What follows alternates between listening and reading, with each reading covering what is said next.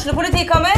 Ine Jansen er purk. Er du purk? The motherfucking bitch. Alt jeg vil, er å finne ut hva som skjedde med mannen min. Jon Carew. Er jeg sikta for noe? Iben Akeli. Det er du. Ole So, Lars Berrum og Big Daddy Karsten. Hvem sin side er du på, egentlig? Anette Hoff, Tone Danielsen, Kommer du fra Afrika? Jørnis Josef, Nesten. Kløfta. Trond Espen Seim, Det er synd å si det, men det var feil mann som døde. Purk. Premiere tirsdag på TV2 Play.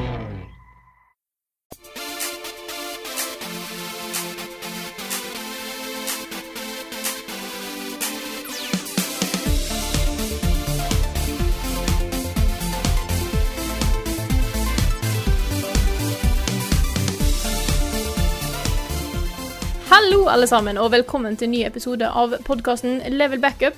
Med meg, Frida Danmo, og med meg har jeg selvfølgelig Karl Martin Hogsnes og Rune Fjell Olsen. Hallo, folkens. Hei, hei. Hei, Frida. Hvordan går det med dere? Som vanlig ganske bra. Ja. Ja. Jeg er litt, mm. litt pjusk i dag. Var ute og filma litt regn og sånn i går, så jeg kjenner at jeg har eh, kanskje blitt litt småforkjøla, men, eh, men det kommer seg. Kanskje det er en Best kombinasjon av litt forkjøla og litt trøtt. Så det, det Best å holde seg inne. Hæ? Best å holde seg inne. Best å holde senga og holde seg inne, ja. Ja, Så vi får, vi får se. Jeg har jo da to eh, bursdager i helgen, eller vil si på mandag. Kona mi blir 40, og sønnen min blir 5. Oh. Og nevøen min blir, eh, har også bursdag. Så det blir liksom ganske hektisk helg, da. Så det er det som opptar mesteparten av min eh, sånn tankekraft utover jobb akkurat nå. Og ikke minst så er jo det å kjøpe en 40-årsgave til kona si er eh, plutselig litt sånn eh, komplisert, da. Fordi eh, hun kjøpte en dyr klokke til meg på min først- 40-årsdag. så eh, ja. Det føles litt sånn rart. Jeg har jo hatt en sparekonto gående nå i fire år for å spare til denne gaven, så jeg har pengene til det. Men det føles litt rart å bruke så mye penger på én gave når jeg sitter og liksom spinker og sparer og har litt dårlig råd. da. Så det har vært litt sånn absurd å gå inn og kjøpe den gaven til liksom ganske mye penger. Men eh, det måtte gjøres. Det er hyggelig, da. Så det er, eh, du anbefaler folk å ha et uh, eget sparefond til uh, 40-årsgave til uh, de man er gift med. Ja, Hvis den hadde kommet sånn derre Oi, hun fyller 40 neste uke, ja. Hvis den hadde kommet sammen med meg nå, så hadde jeg ikke hatt kjangs. Da måtte jeg liksom eh, gått til en lånehai i en av de mørke bakgatene i Oslo for Ja, å skaffe men- pengene. Men jeg har hørt at det beste du kan få, det er ting man har laga sjøl. Så du, kan du kunne laga en gave. Takk for eh, klokka, kjære. Her har du et paint-bilde som jeg printa ut og ramma inn. Jeg hadde ikke fargeprinta, så jeg fant bare i svart-hvitt, men jeg håper det går greit. Det går vel bra. Jeg Ja, er veldig ja. glad i deg. Ja, ja. Jeg har tatt noen fyrstikker og teipa de sammen og laga et lite pinnsvin. Og... Doruller har vi mange av. Ja, lag dorullisser. Snart jul. Ja. ja, det er snart jul. Mange bra forslag her, altså. Nei, det er eh, dessverre ikke aktuelt. Men eh, ja. Det blir sikkert en fin helg. Syns du ikke at vi kom med gode forslag til deg her, Rune? Ja, Til barna mine, kanskje. Ja, okay. Til Sam hadde kanskje blitt glad for det. Ja. Jeg lurer på hvem som hadde bare... blitt mest glad i en gave du hadde laga av barna dine og kona di. uh, kanskje barna mine. Kanskje, kanskje. kanskje, kanskje. Men det er, sønnen min er sånn, han er gutt, da. Gutt-gutt. Og jeg vet ikke, jeg har ikke gjort noen eh, spesiell innsats for at han skal bli sånn. Og han liker av og til liksom ta på seg kjolene til Mika og sånn, så det er ikke bare sånn. Men det er, han, er opptatt, han er opptatt av Transformers og Sonic og Lego Ninjago og alt det der, liksom. Så eh, det han ønsker seg aller mest til bursdagen sin, det er en, eh, en tøff Bumblebee. Så nice. ja, vi får se, da. Men vi kan jo hoppe videre til å snakke litt om hva vi har spilt i det siste. Mm. Hvem av dere to har lyst til å begynne? Jeg kan godt eh, begynne. Sett i gang. Eh, jeg har lyst til å begynne med litt kort om Destiny 2. Fordi eh, det er så mye diskusjoner på Redditen og overalt nå om manglende endgame. Og det ble liksom fuela av community manageren til Bungie, som heter Deesh. Jeg husker ikke hva han heter egentlig, men han kalles Deesh. Eh, som avslutta den weekly updaten de har, med en sånn Vet dere hva, folkens? Det beste endgame-lootet i spill som dette her, det er alle vennene man får. Og alt det koset man kan ha sammen med alle de folkene man blir kjent med gjennom spillet. ikke sant? Uh, og det føltes som en kommentar da, til alt Altså, ja, han har jo helt rett. Det er jo det beste med den type spill. Men det føltes som en kommentar til all kritikken. Um, men det er litt sånn også Destiny er tomt, mer eller mindre tomt for innhold for meg også. Jeg kan gjøre ting liksom som er tar kort tid. Uh, Raidet rases gjennom på halvannen time, liksom. så det er ikke så mye å gjøre nå lenger. Men jeg syns det er helt greit. Jeg har fått massevis av bra content i dette spillet her, og syns det er deilig å kunne bare legge det bort resten av uka og ikke tenke så mye på det og spille andre ting. Så det er en ganske stort skille nå mellom de som tenker sånn, og de som er sånn Vet dere hva, jeg må ha fiksen min. Kom med fiksen min, Bunji, liksom. Jeg må ha ting å gjøre til spillet. Jeg har ikke, har ikke noe annet å gjøre. Må, ja, ikke sant? Mm. Så um, Ikke at det ikke er issues med spillet, men uh, det er et interessant skille. At de har tatt det grepet og gjøre det til den type spill, da, istedenfor den endeløse grinden som Destiny 1 var. Mm. Så, så det er status på Destiny 2 akkurat nå. Eh, jeg spiller det fortsatt litt, men mye, mye mindre enn jeg gjorde. Så ja. det er deilig.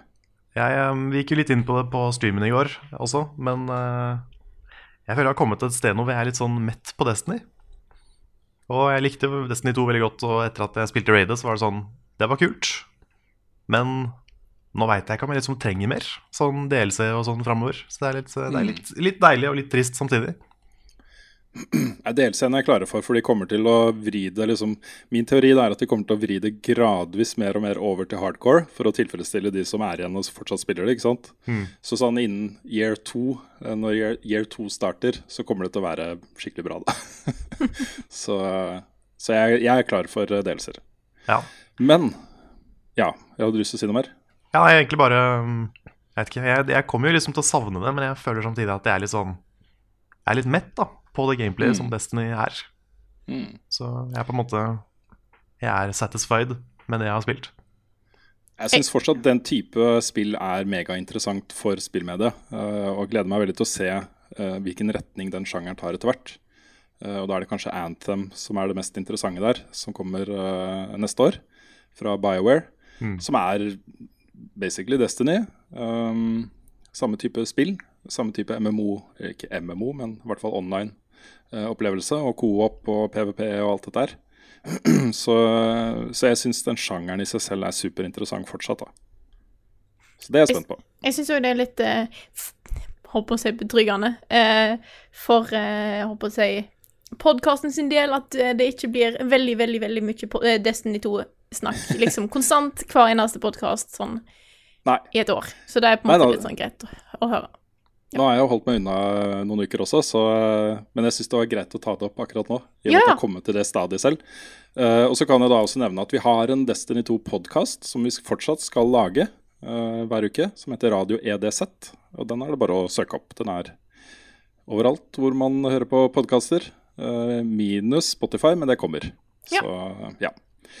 det andre som jeg har brukt mest tid på denne uka her, er fortsatt Hobb. Uh, og det er litt spennende egentlig den utviklingen i det spillet, fordi det er ikke helt ferdig. Altså, Jo lenger ut du kommer i det, jo mer framerate issues får du.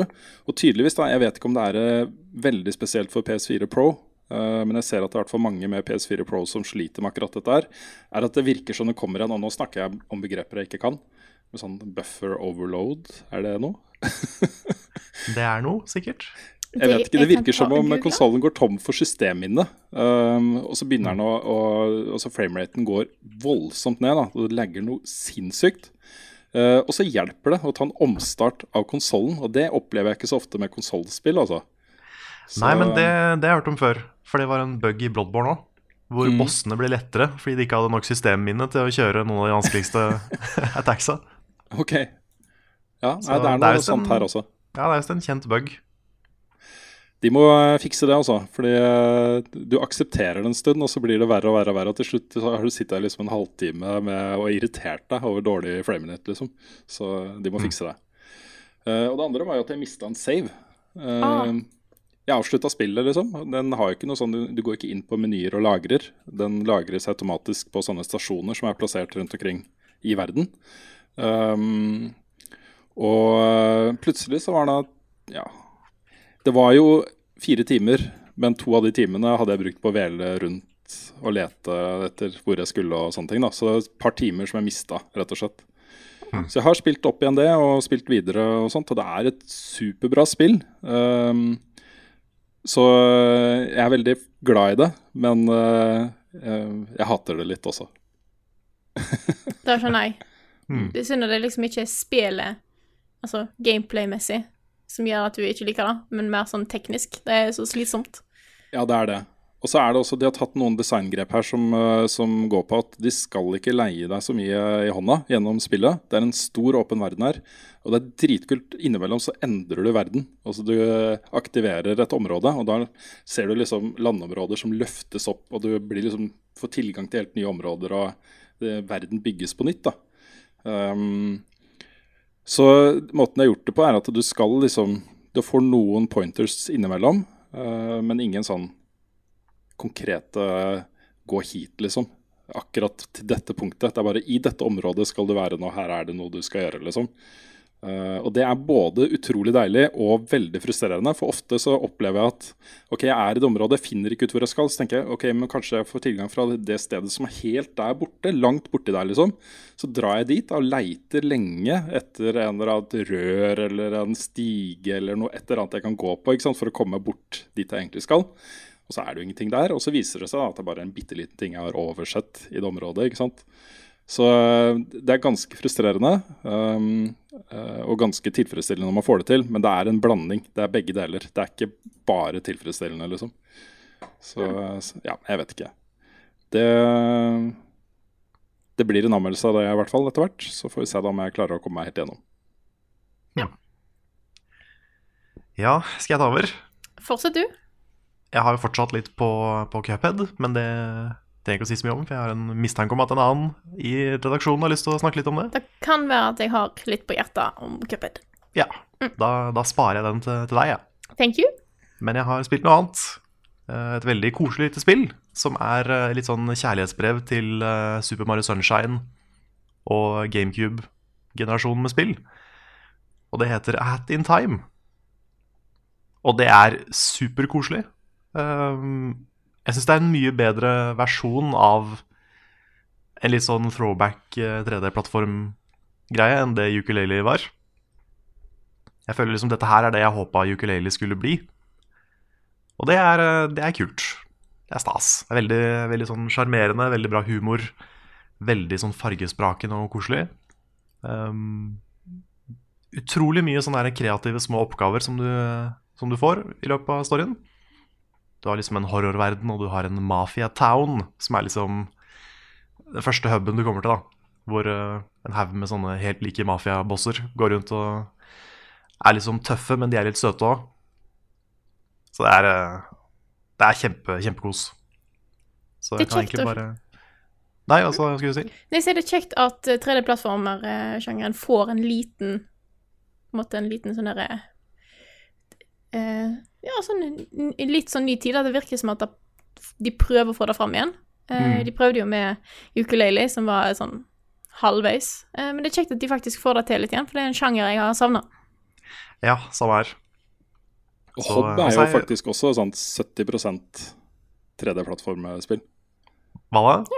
Hobb, det er sånn Hobb, ca. 70 3D 3D-plattformspill, det også.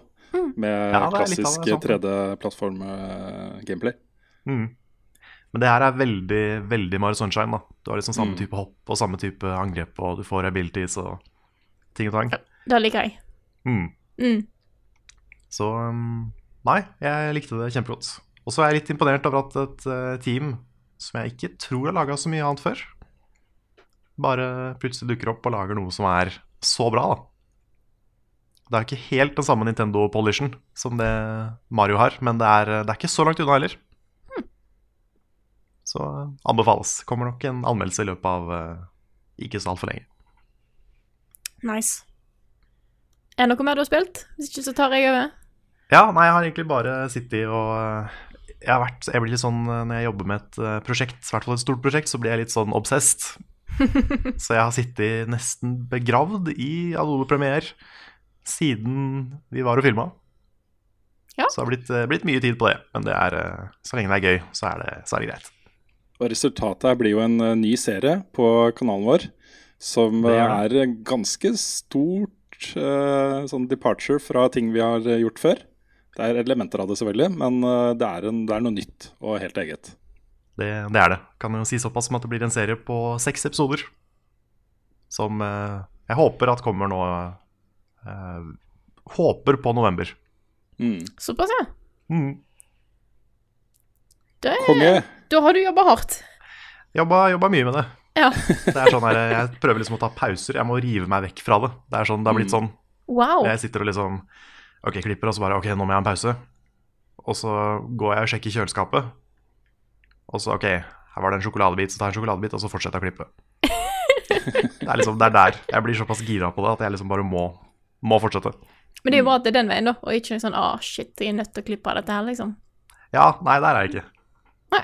Så det, det er moro. Ja, men det er bra. Men da kan jo jeg ta og fortsette å snakke om hva jeg har spilt i det siste. Fordi eh, sist podkast har jeg så vidt begynt på det, men nå har jeg ordentlig fått testa Cuphead. Eh, og jeg er, ikke, jeg er ikke helt ferdig. Jeg hadde et håp om å bli ferdig til denne podkasten, men så eh, har det vært litt mye skoleopplegg å få gjort. Sånn er det bare. Men eh, jeg har kommet eh, ganske langt. Jeg tror ikke det er flere, mange dager til jeg må sitte her før jeg er ferdig. Og jeg elsker det. Nice. Det er sånn den, Jeg hadde den der første barrieren om å komme inn og bare lære seg kontrollene, altså hvor, hva de ulike knappene gjør, så du ikke bare trykker feil og dør. Det gjør jeg fortsatt, men den var litt sånn Den er litt tung, Mm. men den tar ikke lang tid. Det var bare akkurat den jeg satt, hadde Jeg hadde kun testa den første delen og ikke kommet inn i det til forrige podkast, derfor var jeg litt sånn usikker på liksom, Får jeg dette til? Er jeg flink nok? Dette her er vanskelig. Men uh, med en jeg kom inn i det, så ser jeg at dette er et spill som bare passer meg perfekt. Den derre uh, For du må ha en, du må ha en sånn sinnssyk tålmodighet til å gjøre ting om igjen og om igjen og om igjen til du bare får det til. Uh, så det, det er Do sånn derre die, retry. ja. Det er en veldig sånn Jeg sitter bare sånn OK, jeg er litt lei, jeg får ikke det til akkurat nå, men jeg prøver en gang til. Og så har jeg dødd, og så har jeg trykt på retry før jeg har tenkt meg om. Og så sånn, ja, men da tar vi det en gang til, da. Og så holder jeg på sånn i en halvtime. Eh, og jeg snakka jo om sist podkast at eh, det er ikke snakk om at jeg skal ha 100% av dette her, men da kan det komme til at jeg ender opp med å gjøre. Fordi Wow. at eh, fordi at det er et sånn type spill der jeg kunne endt opp med å faktisk gjøre det. Hvis jeg har tid. Det er akkurat det da, som, eh, som er mitt problem nå. Ja, for da da at- må, du jo, da må du ta alle bossene uten å bli treffet, ikke sant? Mm. Og så må du eh, For det er jo ikke bare boss fights, du har jo disse her sånn run-opplegg, Mm. som er mer en sånn plattformopplegg. Der er det masse enemies som kommer til deg. Det syns jeg er verst. Det er helt håpløse. Uh, så jeg, jeg, jeg gruer meg litt til å faktisk begynne på den der å kjøre gjennom uten å bli truffet. Men jeg tror at hvis jeg har rett bild, bruker rett eh, våpen eller sånne ting, så tror jeg det skal gå, det skal gå bra. Jeg har, jeg har lyst til å gjøre det, i hvert fall. Det hadde, det hadde vært et spill som hadde vært gøy å få det til i. En liten sånn der challenge for meg sjøl. Så vi får se. Kanskje jeg ender opp med å, å 100 av det, men jeg, i første omgang så skal jeg i hvert fall komme meg gjennom det, og skal få begynt på anmeldelsen, eller faktisk lage anmeldelsen, så fort som mulig nå. Forsvinner helga, for jeg drar til Polen om fem timer. Så eh, På en liten sånn der avslapningstur. Eh, Så Men jeg skal få satt i gang med anmeldelsen. Håper å ha den ferdig neste uke. Ja. Så det blir gøy. Hardcore. Jeg kjenner en anmeldelse jeg gleder meg til å lage, faktisk. Fordi at det er så mye bra musikk. Og jeg har så mye Jeg har så mye jeg vil si om dette spillet. Så jeg, jeg gleder meg til faktisk å sette meg ned og lage det, klippe det, finne musikk, alt. Jeg bare jeg, Da soundtracker jeg alt jeg hører på for tida. Det er fantastisk. Jeg liker det World Map-teamet veldig godt. Ja. Det er så koselig. Mm. Men det er bare Den der Det er så gjennomført. Alt. Med liksom både eh, Altså, gameplay er perfekt til stil, altså, og den visuelle stilen og musikksjangeren er bare en så perfekt match. Og så bra gjennomført at det er jo som å være tilbake igjen på liksom storhetstida til storband jazz. Det er helt sinnssykt. Men jeg syns den Jeg har kommet eh, halvveis ut i verden to nå. Ja. Og jeg syns den der eh, hoppeslott Nei, den godisslottbossen godisslott-bossen med hun der eh, baroness von Bonbon, eller hva hun heter Hun syns Ja. jeg kan gå og sette seg i et hjørne og tenke seg om, altså. Ja. For det var, det var too much, nesten. Ja, det er, det er så mange bossfights, og så er bare uh, Baroness von von von Jeg bare prøver å få liksom bare Å ja, hun er noe dritt. Ja, Ja, ja, ja. Men det er hun som eh, har sånn, hun har sånn fem forskjellige former, eller noe sånt, Ja. før hun får den der super ultimate formen på slutten. Ja, ja. Hun er Jeg, jeg husker jeg var forbanna på der Mm. når jeg holdt på med den, fordi at eh, Sånn som cupen funker, er ganske kult, ved at uh, du først tester du fighten, og så ser du OK, første, uh, første face, da gjør de sånne ting, neste face gjør de sånt. Så tenker du at du er klar, setter ned en gang til, og så bare sånn Å ja, nå gjorde de noe annet, ja. Ja, det er helt Ja. annerledes. Uh, og hun har masse sånn dritt som bare Som må bare bytte på. Om jeg husker rett. rett. jeg tror det er Så- sånn fem forskjellige måter den kampen kan begynne på. Ja. Så det er Og noen, eh, av- noen av de er verre enn andre, og åh. Ja, det er Nei. Mm. Carl sitter nå klar-ish eh, og, eh, for å fortelle om noe kult denne gangen her. Så Carl, har du lyst til å sette i gang med hva du har lyst til å anbefale oss denne gangen her? Det har jeg lyst til. Jeg har en, eh, faktisk en Disney-film jeg har lyst til å anbefale i dag. Jeg tror Frida vet hva som kommer. Jepp. Det er en film som eh, vi så eh, da vi lagde, lagde film i helga, eller for to helger siden nå. Ja. Og det er en film som jeg mener er en undervurdert Disney-film. Jeg syns den fortjener en plass blant liksom Egentlig blant de beste, nesten. Sånn til tross for hva og hvem den handler om. Og filmen jeg snakker om, er A Goofy Movie. Og den er Jeg syns den er oppriktig bra. Det er en av liksom favorittfilmene mine generelt. Og det har litt å gjøre med at uh, for det første så er den utrolig pent animert. Det er veldig sånn uh, De figurene er så uttrykksfulle i den filmen. I tillegg så er uh, syns jeg storyen flyter veldig bra. Du har noen sånn der, Den derre Hovedkonflikten er litt sånn shaky, fordi du Den baserer seg på at hovedpersonen har uh, ljugd om noe veldig unødvendig å ljuge om. Så den er litt sånn OK. Men, eh, men resten av filmen er så sånn Historiemessig så flyter den så bra, og den har så mange sånne ups and downs. Og det forholdet mellom Det er en sånn far og sønn-film, det her. Eh, og det forholdet mellom de to er skikkelig bra. Det er sånn ordentlig, ordentlig bra. Og når det er trist, så er det ekstra trist fordi det er langbein. Ja. For man vil ikke at langbein skal være lei seg. Og det er ofte i den filmen her han er lei seg. Og det er sånn Det gjør vondt å se. Og i tillegg så skjønner man uh, i hvert fall Jeg relaterer meg på en måte like mye til begge to, da. Og den konflikten føles veldig naturlig og veldig sånn ekte. Uh, og I tillegg så, um, så har den et awesome soundtrack. Yeah. Hell yeah, med Powerline. Og, Seeing it eye to eye. Eye to eye og den derre Stand Out Ja. også. Det er jo fantastisk. Så eh, Nei, jeg anbefaler hvis, ikke man har, hvis, hvis man har avskrevet Goofy Movie fordi det er en langbeinfilm, så ikke gjør det, ass. For det er en kongefilm. Og den er faktisk oppriktig morsom. Ja. Det var en film som var kjekt å se igjen. Eh, fordi at den, Jeg kan huske å ha sett den da jeg var yngre, og huske at den var bra, og sånne ting, men det er ikke alltid ting har holdt seg fra da du var liten. Så det var en film som var kjekt å se. bare sånn, Ja, den er fortsatt bra. Eh, Og jeg merker jeg relaterer mer og mer til, eh, til langbein jo eldre jeg blir, da. Ja, sant. Mm. For, det- ja, for det er litt det òg. For jeg, det er så få filmer hvor jeg klarer å relatere meg like mye til begge hovedpersonene. Men jeg har vært på fisketur med pappa, og jeg vet at liksom jeg vet hvor mye det suger. Og det er på en måte Det er bare gode intensjoner bak det. Og hvis jeg da i tillegg skulle på min første date med ei jente jeg hadde vært forelska i lenge, det hadde jo vært krise, ikke sant? Ja, ja. Så jeg skjønner jo den. Jeg føler jo så begge to, og det er så, det er så bra at den filmen får til det. Men det er jo ja. Ja. Men da er, jeg innser at det er en del eh, Jeg har faktisk litt lyst til å begynne å liksom se opp igjen gamle Disney-filmer, som jeg så da jeg var liten. Fordi at jeg, Disney har generelt veldig mange bra filmer.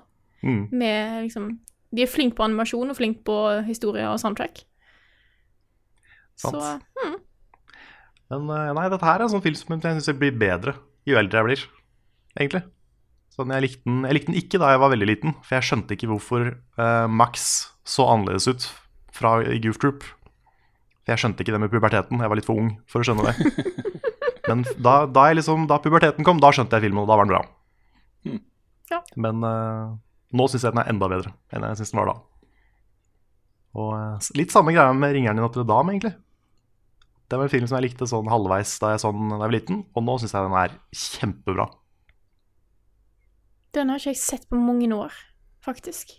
Den også er verdt å, verdt å se opp igjen. Det er en av de mest uh, kanskje aktuelle Disney-filmene. Den er litt mørk òg, den. Jeg, ikke? Jeg Ja, den husker huske at den har et soundtrack som er ganske, ganske tungt. Ja, Hellfire. Er Hellfire, ja. Det er kanskje den mørkeste Disney-sangen ever. Men den er så kul, den. Mm. Den er seriøst kul.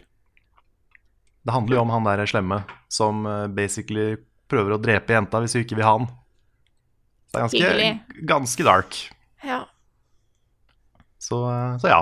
Anbefaler å se opp noen disse filmer. Da kanskje mest av alt Goofy Movie og Ringeren i Notre-Dame.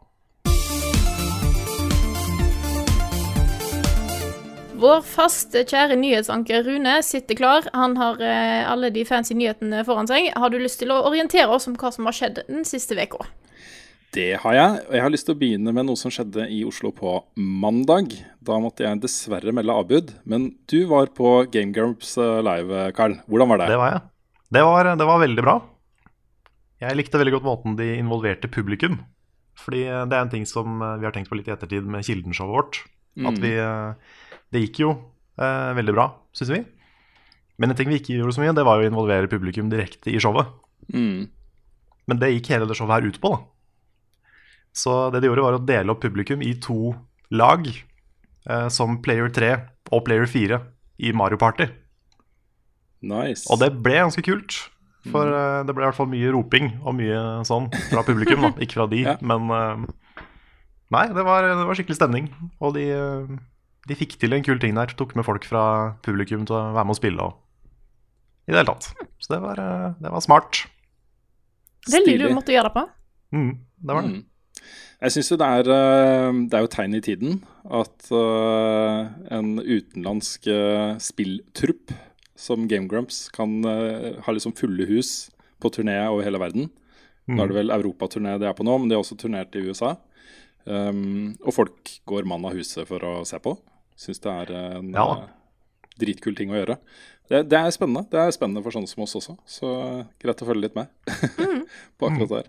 Jeg måtte jo eh, eh, Jeg fikk litt sykdom i familien, så jeg, måtte, jeg var litt stressa på at jeg var smittebærer. Så jeg var frisk, men jeg hadde ikke lyst til å smitte deg, Carl, eller noen andre på showet. Så jeg, jeg valgte eh, å, å bli hjemme. Men jeg solgte jo da billettene mine til, eh, til en pappa som uh, Hans ti år gamle sønn hadde jo plutselig oppdaga at eh, Jack Septiceye skulle til Oslo, ha show. Ja, for det nevnte vi ikke, fordi han også er med på det showet her. Ja, nettopp. Og sønnen hans var jo da superfan av eh, han. Um, og det var jo utsolgt. Så jeg fikk jo tilbakemelding etterpå at han hadde begynt å gråte. da han hadde liksom oh. Satt jo på femte rad, ikke sant. Og, ja. Så eh, jeg føler at jeg fikk noe ut av de billettene likevel. Ja, Det var bra du solgte det til han pappaen, for det var en Mm. annen pappa i publikum som gikk i sinne da de begynte å banne. Wow. Tok han med seg ungen, eller? Ja, Det så jeg ikke, Nei? men uh, vi kanskje tipper det. Wow. Så det var ikke alle som var like fornøyd, men uh, føler hvis ikke du har fått med deg at de, at de banner litt, så da har du ikke fulgt med. Nei. De er jo ikke på en måte De har ikke kids som targeted audience, akkurat. Nei, det er mange kids som ser på dem, men det er på en måte det er ikke det. Jeg føler ikke det er det som er målgruppa deres, da. Nei. Nei. Det er Det er litt mer, sånn som eh, oss, egentlig, kanskje. Ja, Altså, det er ikke så- kanskje litt. Ja. Jeg vet ikke, det, er, det er jo noen som, eh, som sikter seg veldig mot barn, men jeg føler ikke de er de som gjør det mest. Nei.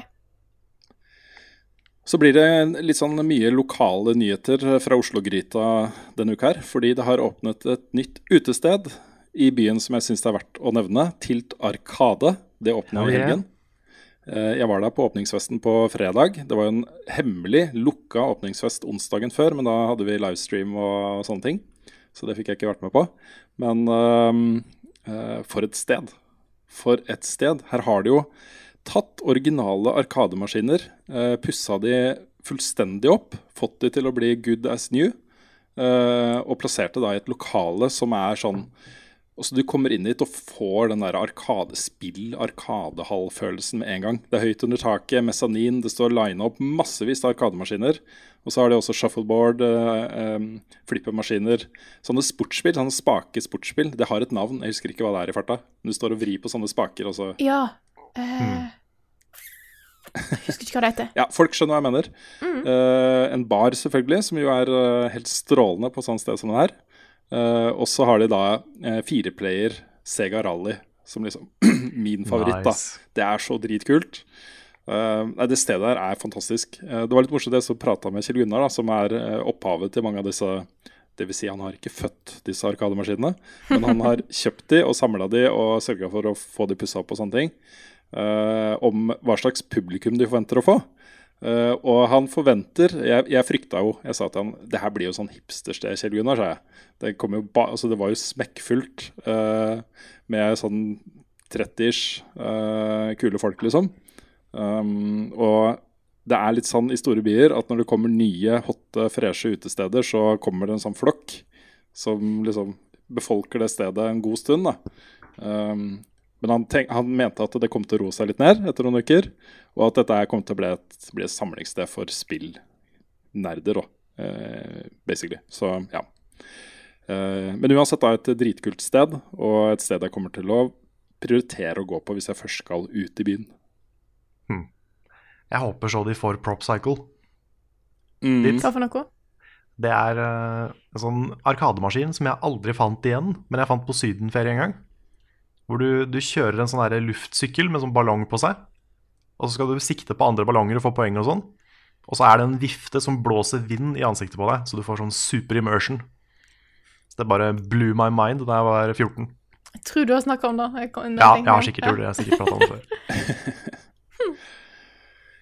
Greit. Eh, Jeg har to nyhetssaker til, men den ene har vi flytta over til ukens, uh, ukens eh, spørsmål. Så uh, siste nyhetssak som jeg har notert på mitt ark, er uh, at Oculus lanserer et standalone VR-headset neste år eh, til rundt 200 dollar.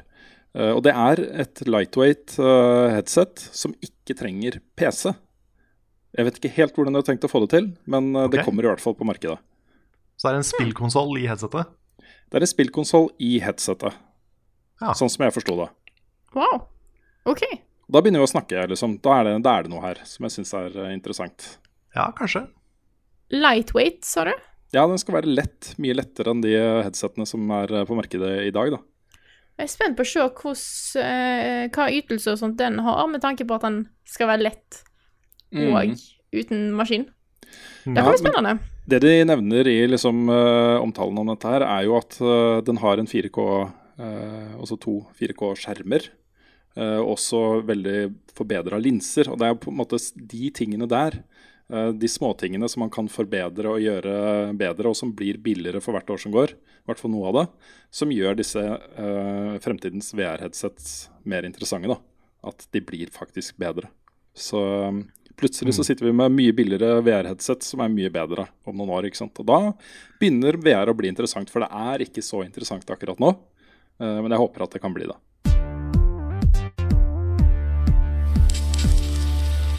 Nå skal vi ta og svare på spørsmål fra dere kjære lyttere. eh, Og da begynner vi selvfølgelig med ukens spørsmål. U, u, u, u. Ukens, ukens, ukens, ukens, ukens spørsmål. Ukens, ukens spørsmål. Ukens spørsmål. Ukens spørsmål! Ja. Nice. Det var litt sånn her, Jeg fikk litt flashback til sånn her eh, barneradio fra, fra 90-tallet. Du vet hva, det her er en bare veldig, veldig konkret Den fløy langt over hodet deres, eh, tror jeg. Men det er en konkret eh, callback til et eh, veldig stort radioprogram på 80-tallet som het Ti i skuddet. Som hadde en Ah. eh, sånn Ja, ok. intro. Ja, helt, nei, helt lik, akkurat som Høredan. Det er Ja. den ikke, men inspirert Nei, var, av den. Jeg var, jeg var litt for ung for den, altså. Ja, Mm. jeg òg. Jeg håper du legger den oppå, for vi hørte den litt sånn dårlig. Ja da, jeg har eh, Får den i high quality. Ja. Nei, Sanne ting koser jeg meg med, da. Når vi skal, Ja, der sitter og i 4K forbereder meg til podkast. Ja. Men da hopper vi videre på det, det som faktisk er ukens spørsmål denne gangen her. Eh, og da er bare sånn at jeg er helt sikker, det var det du sendte til oss her i stad, og det er det som er fra Yngve Mjåseth. Det stemmer. Som eh, Ja, ja, jeg har, fått, jeg har fått med meg dette her. Jeg har skrevet ned et spørsmål. Yes. Han lurer på uh, Ja. Jeg lurer veldig på hva dere syns om random lootbox-trenden som har blitt mer fremtredende, spesielt i spill som ikke er free to play. Er det greit å be spillerne om å betale mer for noe de ikke vet hva er, eller bør eller hadde det vært bedre om man hadde fjerna det tilfeldige elementet ved det, og lot folk kjøpe det de vil ha sjøl? Så skriver han prøvde mitt beste på å være nøytral her. Unnskyld hvis jeg hadde en litt partisk tone. ja, ja, grunnen til at jeg ville ha dette som ukens spørsmål, var at det er jo egentlig også en, en aktuell nyhetssak. Uh, og det er jo knytta til systemet i Star Wars Battlefront 2, som har vært i åpen beta nå. Det varte fram til onsdag. Uh, og Der kom det fram da, at uh, eneste progresjonen i spillet skjedde uh, via loot crates. Um, og de fikk du kunne kjøpe gjennom in game currency. du fikk en om dagen. men de kunne også kjøpes for ekte penger. Og problemet her blir jo det at både forskjellige klasser og figurer, characters du kan spille med i spillet, og abilities som de har, eh, som gjerne også er eh, i forskjellige tears. Altså det kan være eh, ganske bra, veldig bra, innmari bra, superbra, liksom. Og våpen. Og crafting-elementer, som gjør at du kan liksom modde og forbedre våpnene dine selv. Da. Alt dette er innhold i loot crates, og bare loot crates. Sånn som det var i betaen. Det kan hende at EA kommer til å endre dette, her, fordi det kommer voldsomme protester mot det. Og protestene går jo på at dette er pay to win. Hvis mm. du bruker masse penger på lootcrate, så får du mye kjappere tilgang til alt det beste innholdet, og kan bare påne noobs fra du står opp til du legger deg om kvelden, liksom. I, I, mange uker, kanskje flere måneder, før folk tar deg igjen, på en måte. Så ehm, jeg skjønner at folk reagerer. Ikke bare er det pay to win, men det er en grisk måte å gjøre det på. Mm. Fordi at hvis du hadde hatt sånn at ja, du kan unlocke denne karakteren her, ved mye jobbing og in game currency og sånt. Eller så kan du kjøpe den. Mm. Men her er det ikke det engang. Det er tilfeldig om du får det. Så folk må bruke mye penger hvis de, altså hvis de vil ha ting med en gang, så må de bruke mye penger på noe de ikke vet om de får. Mm. Så det er en mm. enda mer sånn shady måte å være pay to win. Ja. Jeg syns på en måte jeg, um, Det at det er mikrotransaksjoner i et fullprisspill, syns jeg er ille nok. Når du på toppen av det har pay to win, og på toppen av det en har random rewards, mm. det er, da, da, må du jobbe for å være mer scummy, altså. Det er, liksom, det, er del, det er, en del, spill som begynner å ta det her at du får ting randomly. Uh, det, er jo akkurat, det er jo akkurat den måten her uh, Heartstone er bygd opp på. Der kan du uh, vinne cardpacks. Du kan eh, vinne gold, som du kan kjøpe cardpacks for, eller så kan du kjøpe cardpacks for ekte penger. Mm. Men spillet er gratis. Da er ikke dette her. Mm. Og det er så skittig. Åh, det det er så dårlig gjort. Ja, det er, eh, det er, litt morsomt, fordi Morsomt, jeg vet ikke om det er riktig ordet. Men uh, Star Wars Battlefront 1, som kom i fjor, så fikk de jo masse kritikk for at de låste Altså de fjerna innhold for å kunne selge det senere. Nå gjør de det sånn at alt innholdet er tilgjengelig fra starten av. Eh, men så må du betale for å fylle disse verdenene med innhold, på en måte. Mm. Du må ikke, da. Men eh, konsekvensen blir jo det, Jeg vet ikke. Dette er slot machines, liksom. Og vi snakka litt om det, Carl. Det, det, er ikke, det, er ikke, de med god lønn og masse penger på bok og sånt som bruker penger på disse tingene. Det er folk som blir fanga av det, som, som havner i en sånn herre uh, addictive uh, syklus, hvor de liksom plutselig innser at oi, shit, jeg har brukt tusenvis av kroner på dette her. Uh, mm. Det har jeg jo egentlig ikke råd til. Nei, ikke sant. Det er, det er, det som er så trist med det. fordi det, det er jo laga for å utnytte folk med dårlig dømmekraft. Mm. og det er de de tjener penger på. Så det er Nei, det er en stygg trend, ass. Kjenner at det, jeg synes det ødelegger så mye for da spesielt trippel A-spill. da. Mm. Ja. Samme med liksom det er, ikke, det er, ikke, like ille, men det er fortsatt ganske stygt i Shadow War nå. Hvor du, du kan kjøpe deg til seier, basically. Og det, det er jo et singleplayerspill, så det er ikke helt det samme, men samtidig så setter jo det en sånn Jeg føler spillet kommuniserer at tida du bruker i det, ikke er verdt noe. Hvis du bare kan kjøpe deg forbi det. Det føles som sånn her hvorfor, hvorfor skal jeg spille det spillet her hvis jeg kan kjøpe meg gjennom det? På en måte. Ja. Det blir bare sånn Hva, hva er budskapet her? Og det er liksom at de føler sjøl at spillet deres ikke er bra nok. At det liksom bare er sånn at, de, at folk heller vil betale for å komme seg forbi ting. Mm. Her har vi lagt inn en grind sånn at folk kan gi oss penger. Ja, sant? Det, er jo, det blir så dumt. Mm. Eh, Men det er jo sånn uh, Dette er jo lagt inn uh, fordi det genererer inntekter. Det er på en måte motivasjonen for publishere og utviklere å legge inn uh, den type mikrotransaksjoner i spillet, fordi de tjener mye mer penger på det. Um, det er den ene biten. Den andre er jo på en måte et element som har eksistert i rollespill alltid. Uh, RNG, Random Number Generator. Også den derre um, uh, mekanikken med at eh, man eh, Altså i gamle rollespill da ruller man en terning, og så var det helt tilfeldig hva den endte på, selvfølgelig, og så fikk du et utfall basert på hva du fikk på terningen. Og Sånn har det blitt i en del av disse spillene. Også det er en sånn liten gulrot som gjør at folk får lyst til å spille mer, hvis du bare bruker det. Hvis det er RNG i et spill, hvis det er tilfeldig hva du får av drops fra bosser og fra uh, ranking av uh, vendors og sånne ting, så det er en ting i deg som gjør at du gleder deg til det. da. Du har lyst til å komme til en ny rank, for da får du en et eller annet tilfeldig så Kanskje du får akkurat det du har lyst på, ikke sant? Um, men når det er kobla da med uh, OK, de har lyst til å få ny rank, ja, de har lyst på det der våpenet som de kanskje kan få. Hva om de liksom kan betale for å få det? Det tjener vi masse penger på. Da blir det ganske ille, altså. Og jeg er liksom delt der, for jeg syns um, det er innafor, så vidt, med litt RNG i online-spill, Uh, også spill som skal leve en stund, så syns jeg det er greit. Jeg aksepterer det. Uh, hvis man logger på liksom en gang i døgnet, så får man en pakke i posten med et eller annet. Og det kan være en shader eller en uh, ny dans, eh, emote, eller uh, noe annet, liksom et, noe kosmetisk. da. Um, så syns jeg det er greit. Det, det har jeg ikke noe mot. Men det er, der, når det er pengene som driver dette her, så er det ren utnyttelse av svake mennesker. Og det er ikke bra. altså. Nei, sant. Nei, altså RNG i seg sjøl kan du bruke til å lage en del kule spill-mechanics. Mm. Men eh, det er det når du kobler inn pengene. Ja. Da blir det jo gambling. Og det, vi har jo egentlig en del strenge gamblinglover i Norge. Mm. Ja. Eh, Det er, eh, jeg syns dette er ganske det er jo, Jeg syns ikke det er moralsk bedre enn en spilleautomat.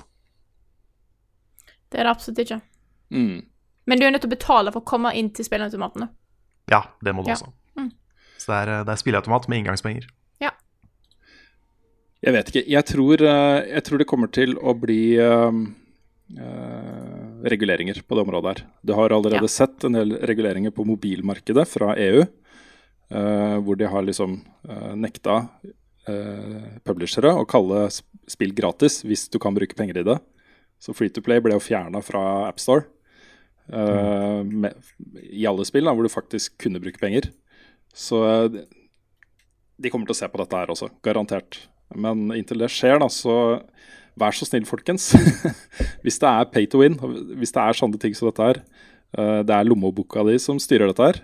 Og eh, når man ser hvor mye penger som faktisk brukes på mikrotransaksjoner i store spill, så skjønner man jo hvorfor publisherne kvier seg for å fjerne de. Det er rent netto pluss for dem. Det er liksom 40 ekstra eh, røde Ferrarier på parkeringsplassen utafor kontoret, liksom. eller Ja. eh, et eller annet. Ja. Men Nei, det, eh, ja. det viktigste er å bare ikke bruke penger, og klag masse. Mm.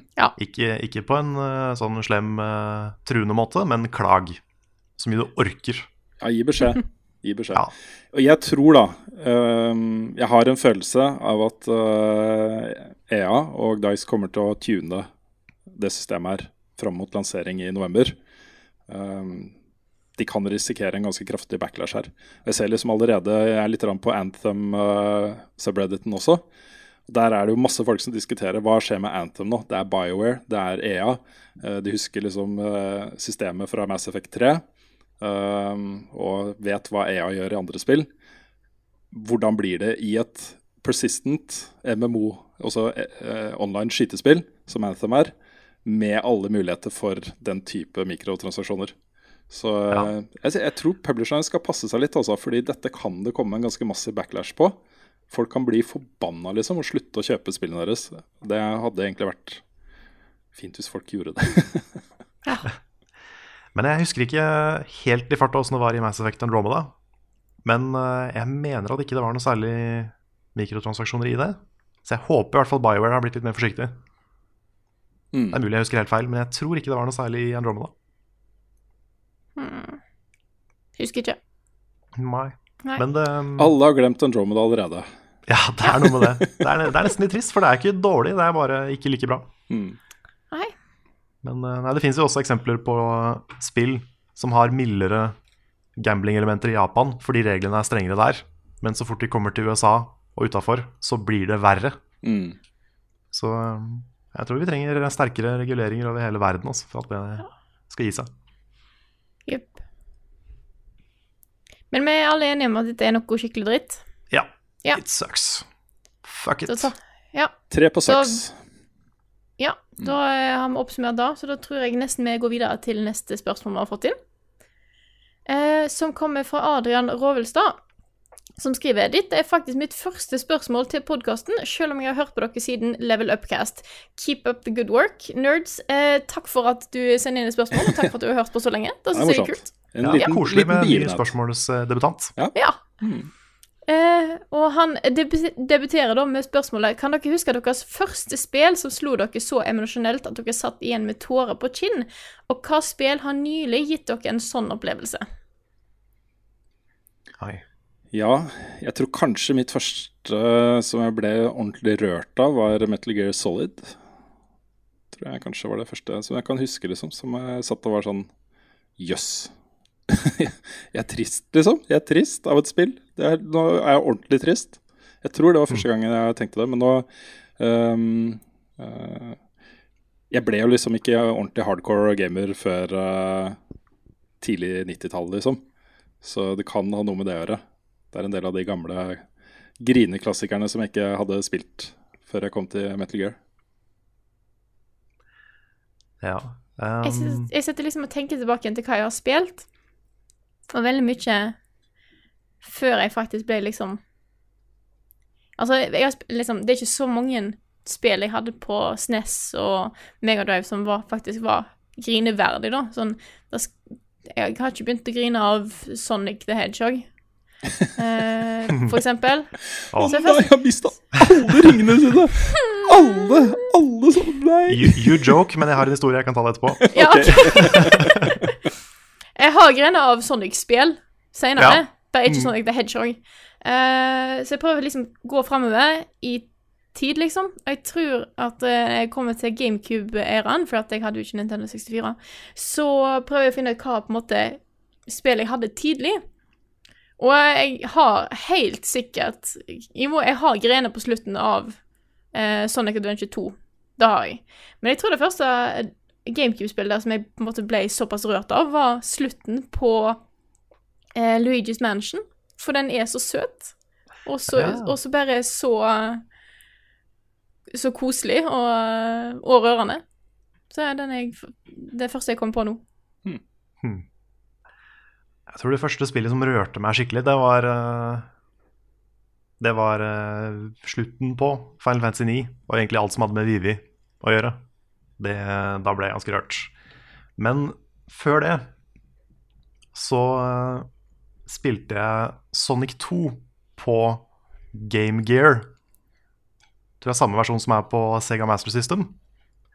Og i det spillet, hvis ikke du får alle Chaos Emeralds, så dør Tales. Er det sant? What? Han er død i slutten, på slutten av spillet. Wow. Og det fucka meg opp så utrolig mye da jeg var liten.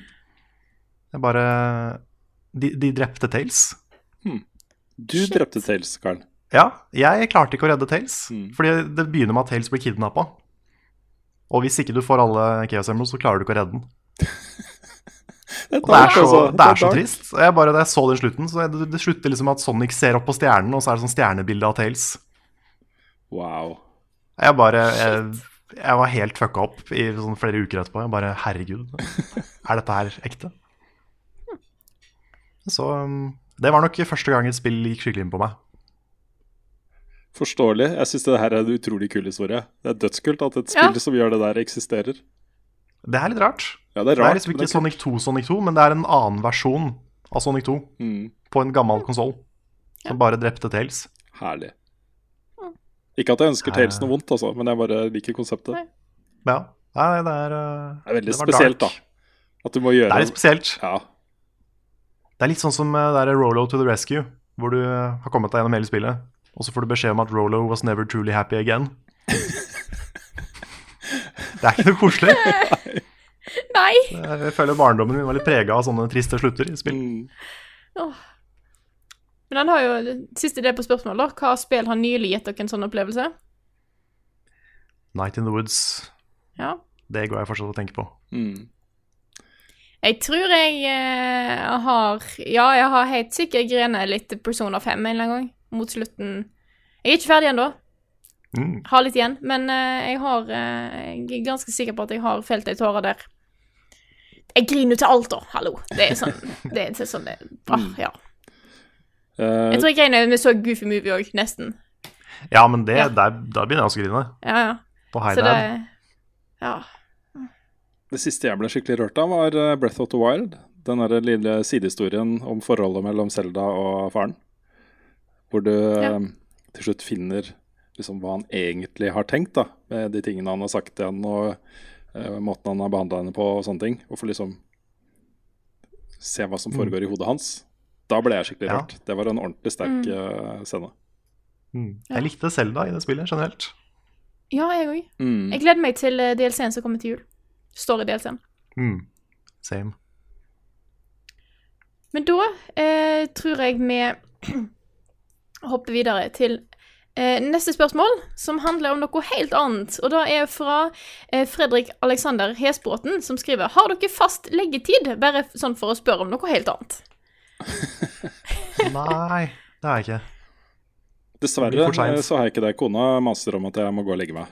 Men eh, jeg legger meg nå som regel etter, etter henne, fordi jeg vil få litt ut av egen tida, liksom. Men eh, det går utover nattesøvnen, altså. Så jeg legger meg for sent. Jeg burde legge meg til tolv. Jeg legger meg ett, halv to, to. Hmm. Ganske endelig. Men før to må jeg legge meg, fordi jeg skal opp igjen klokka halv, halv, halv ja, sju, halv åtte seinest, liksom. Ja. Mm. Nei, jeg eh, prøver å legge meg en gang mellom eh, 11 og 12. Da er jeg Wow. fornøyd. Det, det ligger litt i familien hos meg, tror jeg, at vi sitter lenge oppe. Det, jeg husker da jeg var liten, så gikk jeg på kjøkkenet, og der satt mamma klokka tre om natta med en kaffekopp. Oi. Um, og det, sånn har jeg også blitt. Ikke med kaffekopp, da, men jeg sitter oppe til i hvert fall tre, som regel. Bare jobber med ting, eller sitter på internett, eller spiller, eller whatever. Mm. Jeg gjør det når jeg har ferie. Da Mm. snur jeg på ting. Men det det er ikke så lett å gjøre det når du har forelesning. Nei, den ser jeg. Uh, men vi kan ta neste spørsmål her, uh, fra Dagfinn Svendsen, som skriver Når kommer dere til Norwegian Thunderboys i Drammen? Jeg syns det er så kult. altså. Dette er Donkey Boys med venner som sitter og streamer på Twitch som Norwegian Thunderboys. Jeg syns hele det greia er så kul. Det er kjempemorsomt. Og det er herlige fyrer, da. Det er eh, ordentlig kul gjeng, det der. Eh, jeg har vært og besøkt det. De har spurt oss om vi er interessert i å gjøre en litt sånn eh, artig eh, sanggreie. Sånn eh, level up co- collaboration med Donkey Boys. Det er Donkey Boy, er det ikke det? Donkey, Donkey Boy, selvfølgelig. Ja. Donkey Ja. boy, ja. Eh, beklager. Men um, det hadde vært gøy å gjort. Jeg er med på sang. I know. Anytime. I know. Jeg må psyke meg opp, men ok. Mm. Ja, det hadde vært kjempekult, da. Det var kjempegøy. Men uh, få med dere Norwegian Thunderboys på Twitch, eh, folkens. Uh, det er ganske gøy. Oh, kan vi ikke ta en level up slash Donkey Boy-cover av uh, Infinite's Theme fra Sonic Forces? Oh, ja. Det hadde vært gøy. alle, alle sammen må bare søke opp den sangen. Mm. Infinite Sonic Forces. Det, det det er som å høre en ny Linkin Park-sang, Ja. bare om en Sonic-figur. Fett. Det er helt amazing. Eventuelt så kunne jeg hatt Har dere sett den nye traileren til eh, Super Mario Odyssey? Ja. Ja, ja, ja. Oh, den er fin. Det er, det er kanskje den beste spilltraileren jeg har sett. Det er et lite musical-nummer, liksom. Mm. Jeg Starring gleder meg eh, til å finne en hund på gata og gjøre den til en sånn Mario. Ikke sant? Ah, det var kjempegøy. Ja. Men da kunne vi hatt Frida som uh, vokalist, ikke sant? I sånn derre uh, storband-jazz. Ja, Ja. med sånn stor hatt og Ja, ja, hele pakka, liksom. Ja, det, det er kult. Og den derre det, var- det, var- det er Jessica Rabbit-kjole det der hun hadde på seg. Var ikke det sånn rød, sparkly greie? Nettopp. Jo, stemmer. Mm. Er ikke det det- hun eh, fra Donkey Kong? Hun Pauline? Som Mario redder i Mm. det første Donkey Kong. Mm. Jo, det kan være. Det er sånn stort comeback i Mario Odyssey. Nice. Da er det kult, da. Mm. Hun har visst blitt borgermester. Så da er du både sangerinne og borgermester hvis du kler ut som henne. Nice. Ja, da, da høres ut som bra, bra kostyme. Så lenge hun ikke dør, med mindre du klarer å finne alle stjernene i alle disse verdenene, så Vet du hva, da, da gir jeg opp spill, altså. Det, jeg orker ikke mer av det der. Åh, nei. Jeg tror jeg tar et spørsmål til her før jeg spør dere om eh, hva dere har eh, liggende. Men eh, vi tar et spørsmål her fra Christian Kolstad, som skriver Siden dere skulle ha en retrokveld med SNES Mini, har jeg et spørsmål angående retrokonsoller. Selv om jeg sjelden, sjelden eller aldri bruker de, liker jeg å beholde det jeg er mest knytta til. Jeg har Gameboy Color, Gameboy Advance, Sega Mega Drive, Nintendo 64 og GameCube. Har faktisk en Gameboy Micro òg. Hva konsoller tar dere i level up vare på?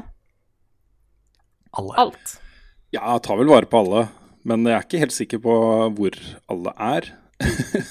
De ligger liksom i esker rundt omkring. Jeg har det ikke framme kobla til TV-en lenger, liksom. Uh, Nei. Jeg har Ja. Jeg har jo uh, Megadriven står uh, på hytta, så den bruker vi når vi er der. Uh, SNES-en var ikke min. Den står hos mormor. Så vi spiller litt Mario når vi er der. Det er veldig hyggelig. Uh, nå har jeg en SNES sjøl her nå, da, så det er jo ganske greit. Men uh, ellers så har jeg nesten alt her i Trondheim. Jeg har alt stående i TV-benken, nesten klar til å kobles opp, men det er jo ikke så mye, da. Uh, PlayStation 2 min tok jo kvelden. Uh, den funker ikke lenger, så den har jeg ikke Den har jeg ikke giddet tatt meg opp. Så jeg har GameCube, PlayStation 3, Wii U, PS4, Switch, NES og, og den SNES Minien som står klar, da. Så det er bare til å skifte HDMI-inngang og litt sånt. Eh, så jeg har ikke Wii, men det er fordi at jeg har Wii U-en, så jeg på en måte har, prøver å ha alt tilgjengelig til å spille. Hmm. Så det har jeg. Ja. Jeg hadde alt stæsja i en eske før, men nå har jeg fått en sånn egen konsollhylle, så nå står det framme og, eh, og, og glinser i leiligheten. Så nå har jeg to Sega Mega Drives. Jeg har en PS2, en PSP, eh, to forskjellige 360-er, en Wii, en Wii U, en GameCube, Nintendo 64. Litt eh, diverse. Hvorfor har du to Sega Mega Drives? Nei, jeg, fikk, jeg kjøpte en, og så fikk jeg etterpå en som hadde Sega CD bygd på. Av onkelen min. Det er også han som står bak den fantastiske Sonic-boblejakka. Han, sånn, han, var, han var sjef på Brio da jeg var liten, så han har fått masse sånn offisielt Sonic 2-stæsj. Som han da har eh, sendt videre til meg, så det er jeg veldig, veldig fornøyd med. Sammen med den klokka som jeg har på rommet mitt. Eller på, på rommet mitt i leiligheten min. Ja, Den er kul. Den er kul. Men da tenker jeg at jeg tar eh, La dere kaste dere løs med spørsmålene dere har funnet fram denne gangen her. Ja, Rune, vil du begynne? Ja, det kan jeg godt gjøre. Jeg har fått et spørsmål som er veldig relevant for meg. Um, fra Thomas Andersen, uh, som lurer på om vi kunne snakka litt om hvor, hvor lenge vi syns det er greit for barn å sitte foran en skjerm. Han skriver jeg selv i 40-årene og har tre barn. Selv har jeg ikke tid til å sitte foran skjermen hver dag pga. jobb, trening, lekseoppfølging osv. Men de dagene jeg har tid, kan jeg bli sittende fem-seks timer. Eh, det skjer én til to ganger i uka. Barna derimot bruker tid på mobil, nettbrett, PC og TV hver dag. Jeg synes det er veldig vanskelig å være den strenge pappaen og si at de må legge bort mobil og PC eh, når de ser at jeg sitter så lenge ved PC-en. Hva tenker dere om skjermtid på ukedagene kontra helg osv.? Det er jo et uh, Har man små barn, så er dette et, eh, et av de mest sentrale tingene man tenker på. I tillegg til liksom Håper ikke de begynner med narkotika og sånn, da. uh, uh, det er vanskelig. Jeg har ikke noe fasitsvar på det. Um, jeg kan egentlig bare si hvordan jeg selv tenker om det. Og min erfaring er at det har en tendens til å regulere seg selv litt. grann. Når de sitter liksom en stund foran en skjerm, så blir de lei, altså. Og så legger de den bort, og så gjør de noe annet. Og så kan de gå tilbake til skjermen etter hvert.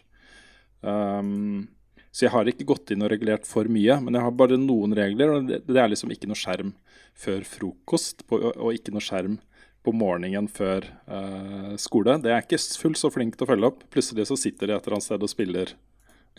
spiller. Uh, men når de kommer hjem, så syns jeg det er greit om de setter seg ned med en uh, 3DS eller eh, en iPad eller et eller annet. Uh, og jeg bruker ikke voldsomt mye krefter på å nekte dem det. Men det er jo en sånn ting som vi kan ta bort, da. Hvis det ikke de oppfører seg ordentlig, f.eks., så får de ikke se på iPaden. eller sånne ting. Um, Men det er jo også en sånn fysiologisk uh, ting her, og det er at uh, øynene til barn er ikke ferdigutvikla ennå. Og det blir de ikke før de er oppe i tolvårsalderen, jeg husker ikke helt. Det er et De må bli uh, litt oppi åra, da. før synet er ferdig utvikla. Og så lenge det ikke er ferdig utvikla, så kan det skape faktiske fysiske problemer med synet hvis de fokuserer for mye på ett punkt hele tiden. liksom. Og Da er det ikke skjermen i seg selv, men det er det fokuset. At ikke de liksom fokuserer på mange forskjellige ting. da. Så man må være litt obs på det. Man kan ikke bare sette de foran en skjerm og la de sitte der eh, hele tiden. liksom. Det er, eh, det er relativt eh, viktig. Og så tror jeg samtidig at mye av den derre ikke sitt for lenge foran TV-en, gutten min, liksom, det er litt sånn det er sånn det er nå. Nå er folk på skjerm. ja, det er nye det er tider. Liksom. Altså.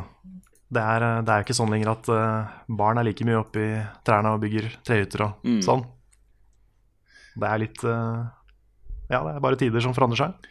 Jeg ser jo folk klager. Det er jo uh, krise i norsk fotball om dagen. Fordi alle løkke, løkkebanene er tomme. Er, barna er ikke ute og spiller fotball lenger. De joiner ikke fotballag. Ah, og så videre, at, ikke jeg, at ikke jeg var barn nå. Det var, det var bare fotball. Ja, ikke sant? Jeg hata det da jeg gikk på barneskolen, for jeg var den eneste i klassen som ikke spilte fotball. Mm. Og så var det veldig mye sport. Mm. Men jeg eh, for å ta ting litt tilbake til den her til spørsmålet, da, så merker jeg at jeg har veldig lite på en måte å faktisk komme med, for at ting har endra seg så veldig mye siden jeg var liten. Jeg husker vi hadde en eh, sånn kvote på spilletid da jeg var yngre der jeg fikk så og så mange timer i uka. Sånn, mm. Dette er det du har. Du kan bruke det når du vil. Sånn at jeg kunne sitte Jeg husker ikke Det begynte med ganske få timer, så fikk jeg flere og flere etter hvert. da. Så jeg kunne bruke opp alt på én dag. Sitte i mange timer, spille. Men da kunne jeg ikke spille noen andre dager. Jeg måtte føre en sånn logg om hva jeg hadde brukt. Mm. Så det var litt sånn kul måte å gjøre det på, men det var jo andre tider, sant. Ting var ikke så mye på på altså iPad, smarttelefoner, PC i den grad. Nei, skjermene var litt skumlere også. Og, ja, det mm. kunne bli firkanta øye, husker jeg. Ikke sant. um, men jeg tror også sånne ting kommer til å regulere seg selv uh, sånn litt etter hvert. Nå har jeg ganske små barn, uh, og leksene til dattera mi er uh, av type liksom Sett en ring rundt alle benene på denne siden her. det er ikke så kompliserte ting, da. Uh, etter hvert så vil jo liksom også Lekser er jo pri én på ettermiddagen. Du må få gjort leksene, ikke sant. Så det må jo bare gjøres. Og det må hun bare skjønne, liksom. Sånn er det bare. Og så får hun jo fritidsaktiviteter, ting som skjer på ettermiddagene og sånne ting. Så det, det, vil ikke være så mye tid som er bare liksom Hva skal jeg finne på nå, da? type tid, da. Og mm. da kommer i hvert fall ikke jeg til å nekte mine barn i å bruke den tiden på å spille. Jeg blir, jeg blir glad jeg, når jeg ser de sitter og spiller uh, Mario på 3DS og sånne ting, liksom. Uh. Sitter og koser seg med NES Classic og nå etter hvert SNES Classic. Det er, jeg blir stolt og glad. det er morsomt. Jeg husker ting eh, Jeg husker jo jeg hadde liksom fri tilgang på, på TV og sånt, da, fordi at eh, nå var jeg i en litt spesiell situasjon, at jeg kunne komme hjem tidlig fra skolen og bare være hjemme. Eh, fordi at eh, mor mi jobba Eh, hadde sitt arbeidslokale i huset vårt, i kjelleren. Sånn at jeg kunne være hjemme uten at foreldrene mine egentlig var der. De var fortsatt på jobb, men mamma var jo alltid i huset, så det var jo ikke noe problem. Men jeg husker jo at måte, du hadde mulighet til å sitte og se på Cartoon Network og alt dette her, så mye jeg bare ville, men du går jo og gjør andre ting, for du blir jo lei. Mm. Mm. Så det, du har nok litt rett i at på en måte At du regulerer litt sånn etter hvert, at det på en måte går seg litt til. Mm. Men uh, Ja. Mm. En ting som, eh, som, mamma og pappa eh, gjorde for meg, da, det var at de var med på å liksom dyrke litt interessen min for Lego. Fordi når jeg ikke fikk lov å spille mer, så kunne jeg gå og bygge Lego, og da var liksom, det var greit. Mm. Så de var eh, Det var ikke så ofte jeg fikk eh, lov å kjøpe spill, men det endte jeg fikk lov å kjøpe Lego, da. For da hadde jeg liksom noe å finne på som ikke var gaming. Mm. Mm. Så det, det funka. Ja, som alt annet så er det det viktigste er eh, å ha liksom varierte interesser og gjøre forskjellige ting. Ikke altfor mye av én ting. Det Ja. Yeah, Har du lyst til å fortsette med ditt spørsmål, Karl? det kan jeg gjøre. Eh, vi, jeg vet ikke om vi har noe bra svar på det, men jeg kan ta det. Det er fra Mathias Kolsrud Aase. Han spør hvordan skiller dere av jobb og fritid? Og det korte svaret er vel we don't. ja, Det er litt sånn. Ja, For meg det er litt så- vanskelig. Ja, jeg har jo på en måte en litt annen situasjon enn dere to, siden dere faktisk har dette her som fulltid. Eh, og for meg så blir det mer eh, i tillegg til eh, skole. Dette er din Så fritid, liksom. Ja, Mm. det er akkurat det. Dette er min fritid. Det er min måte å koble av fra skole på. Uh, og jeg har alltid hatt en sånn type En annen ting jeg holder på med, som kanskje teller litt som jobb, men som teller som på en måte en pause likevel. Jeg har jo jobba på dyrebutikken nå i åtte år, uh, og jobba der ofte etter skolen flere ganger i uka.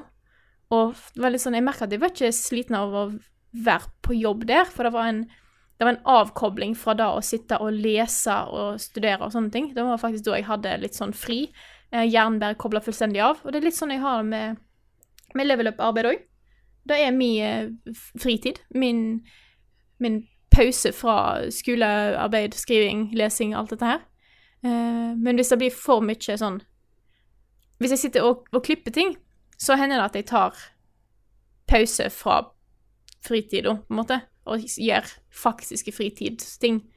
Game noe annet og sånne ting. Men eh, det, det er ikke eh, For meg så teller det ikke så mye som jobb. Mm. Mm. Men det er jo litt annerledes for dere to.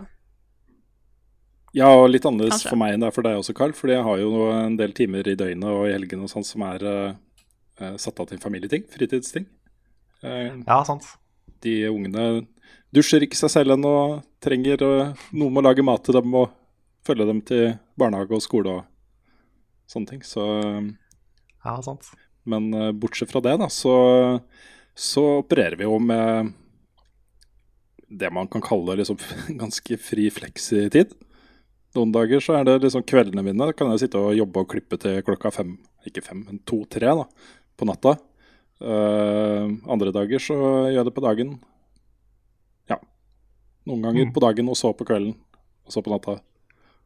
Ja. Så det blir liksom Alt i alt så um, er det ikke noe fare for å få jobba nok, liksom. Det, det går bra. Det, ja, det går bra. Ja, men jeg har jo Det- ting. Jeg har jo spill innimellom som jeg spiller uh, bare for gøy, liksom. Som er avkobling. Mm.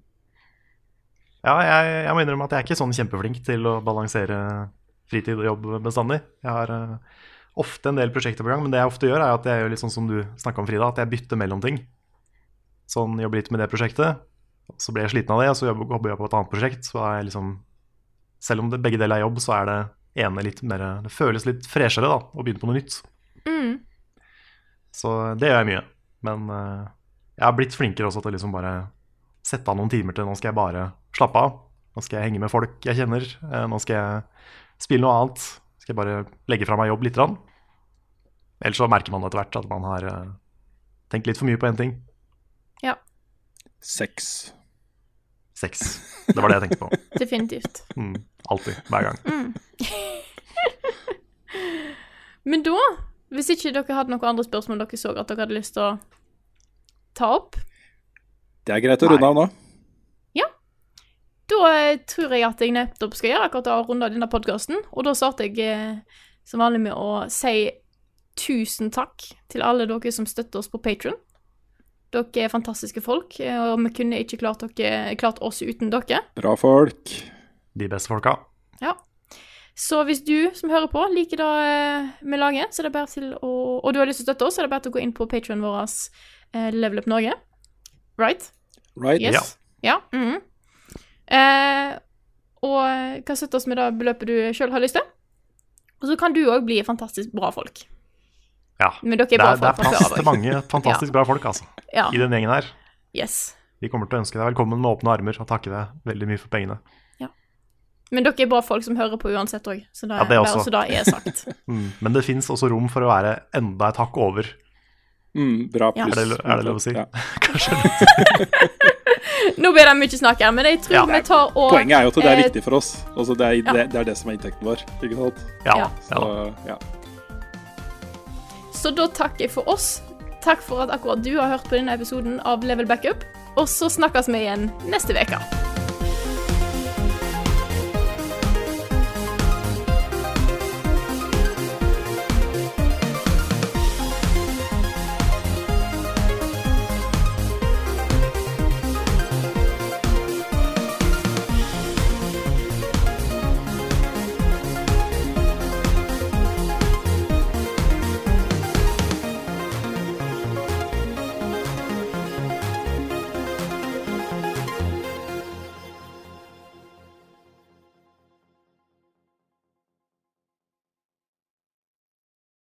Har du et enkeltpersonforetak eller en liten bedrift?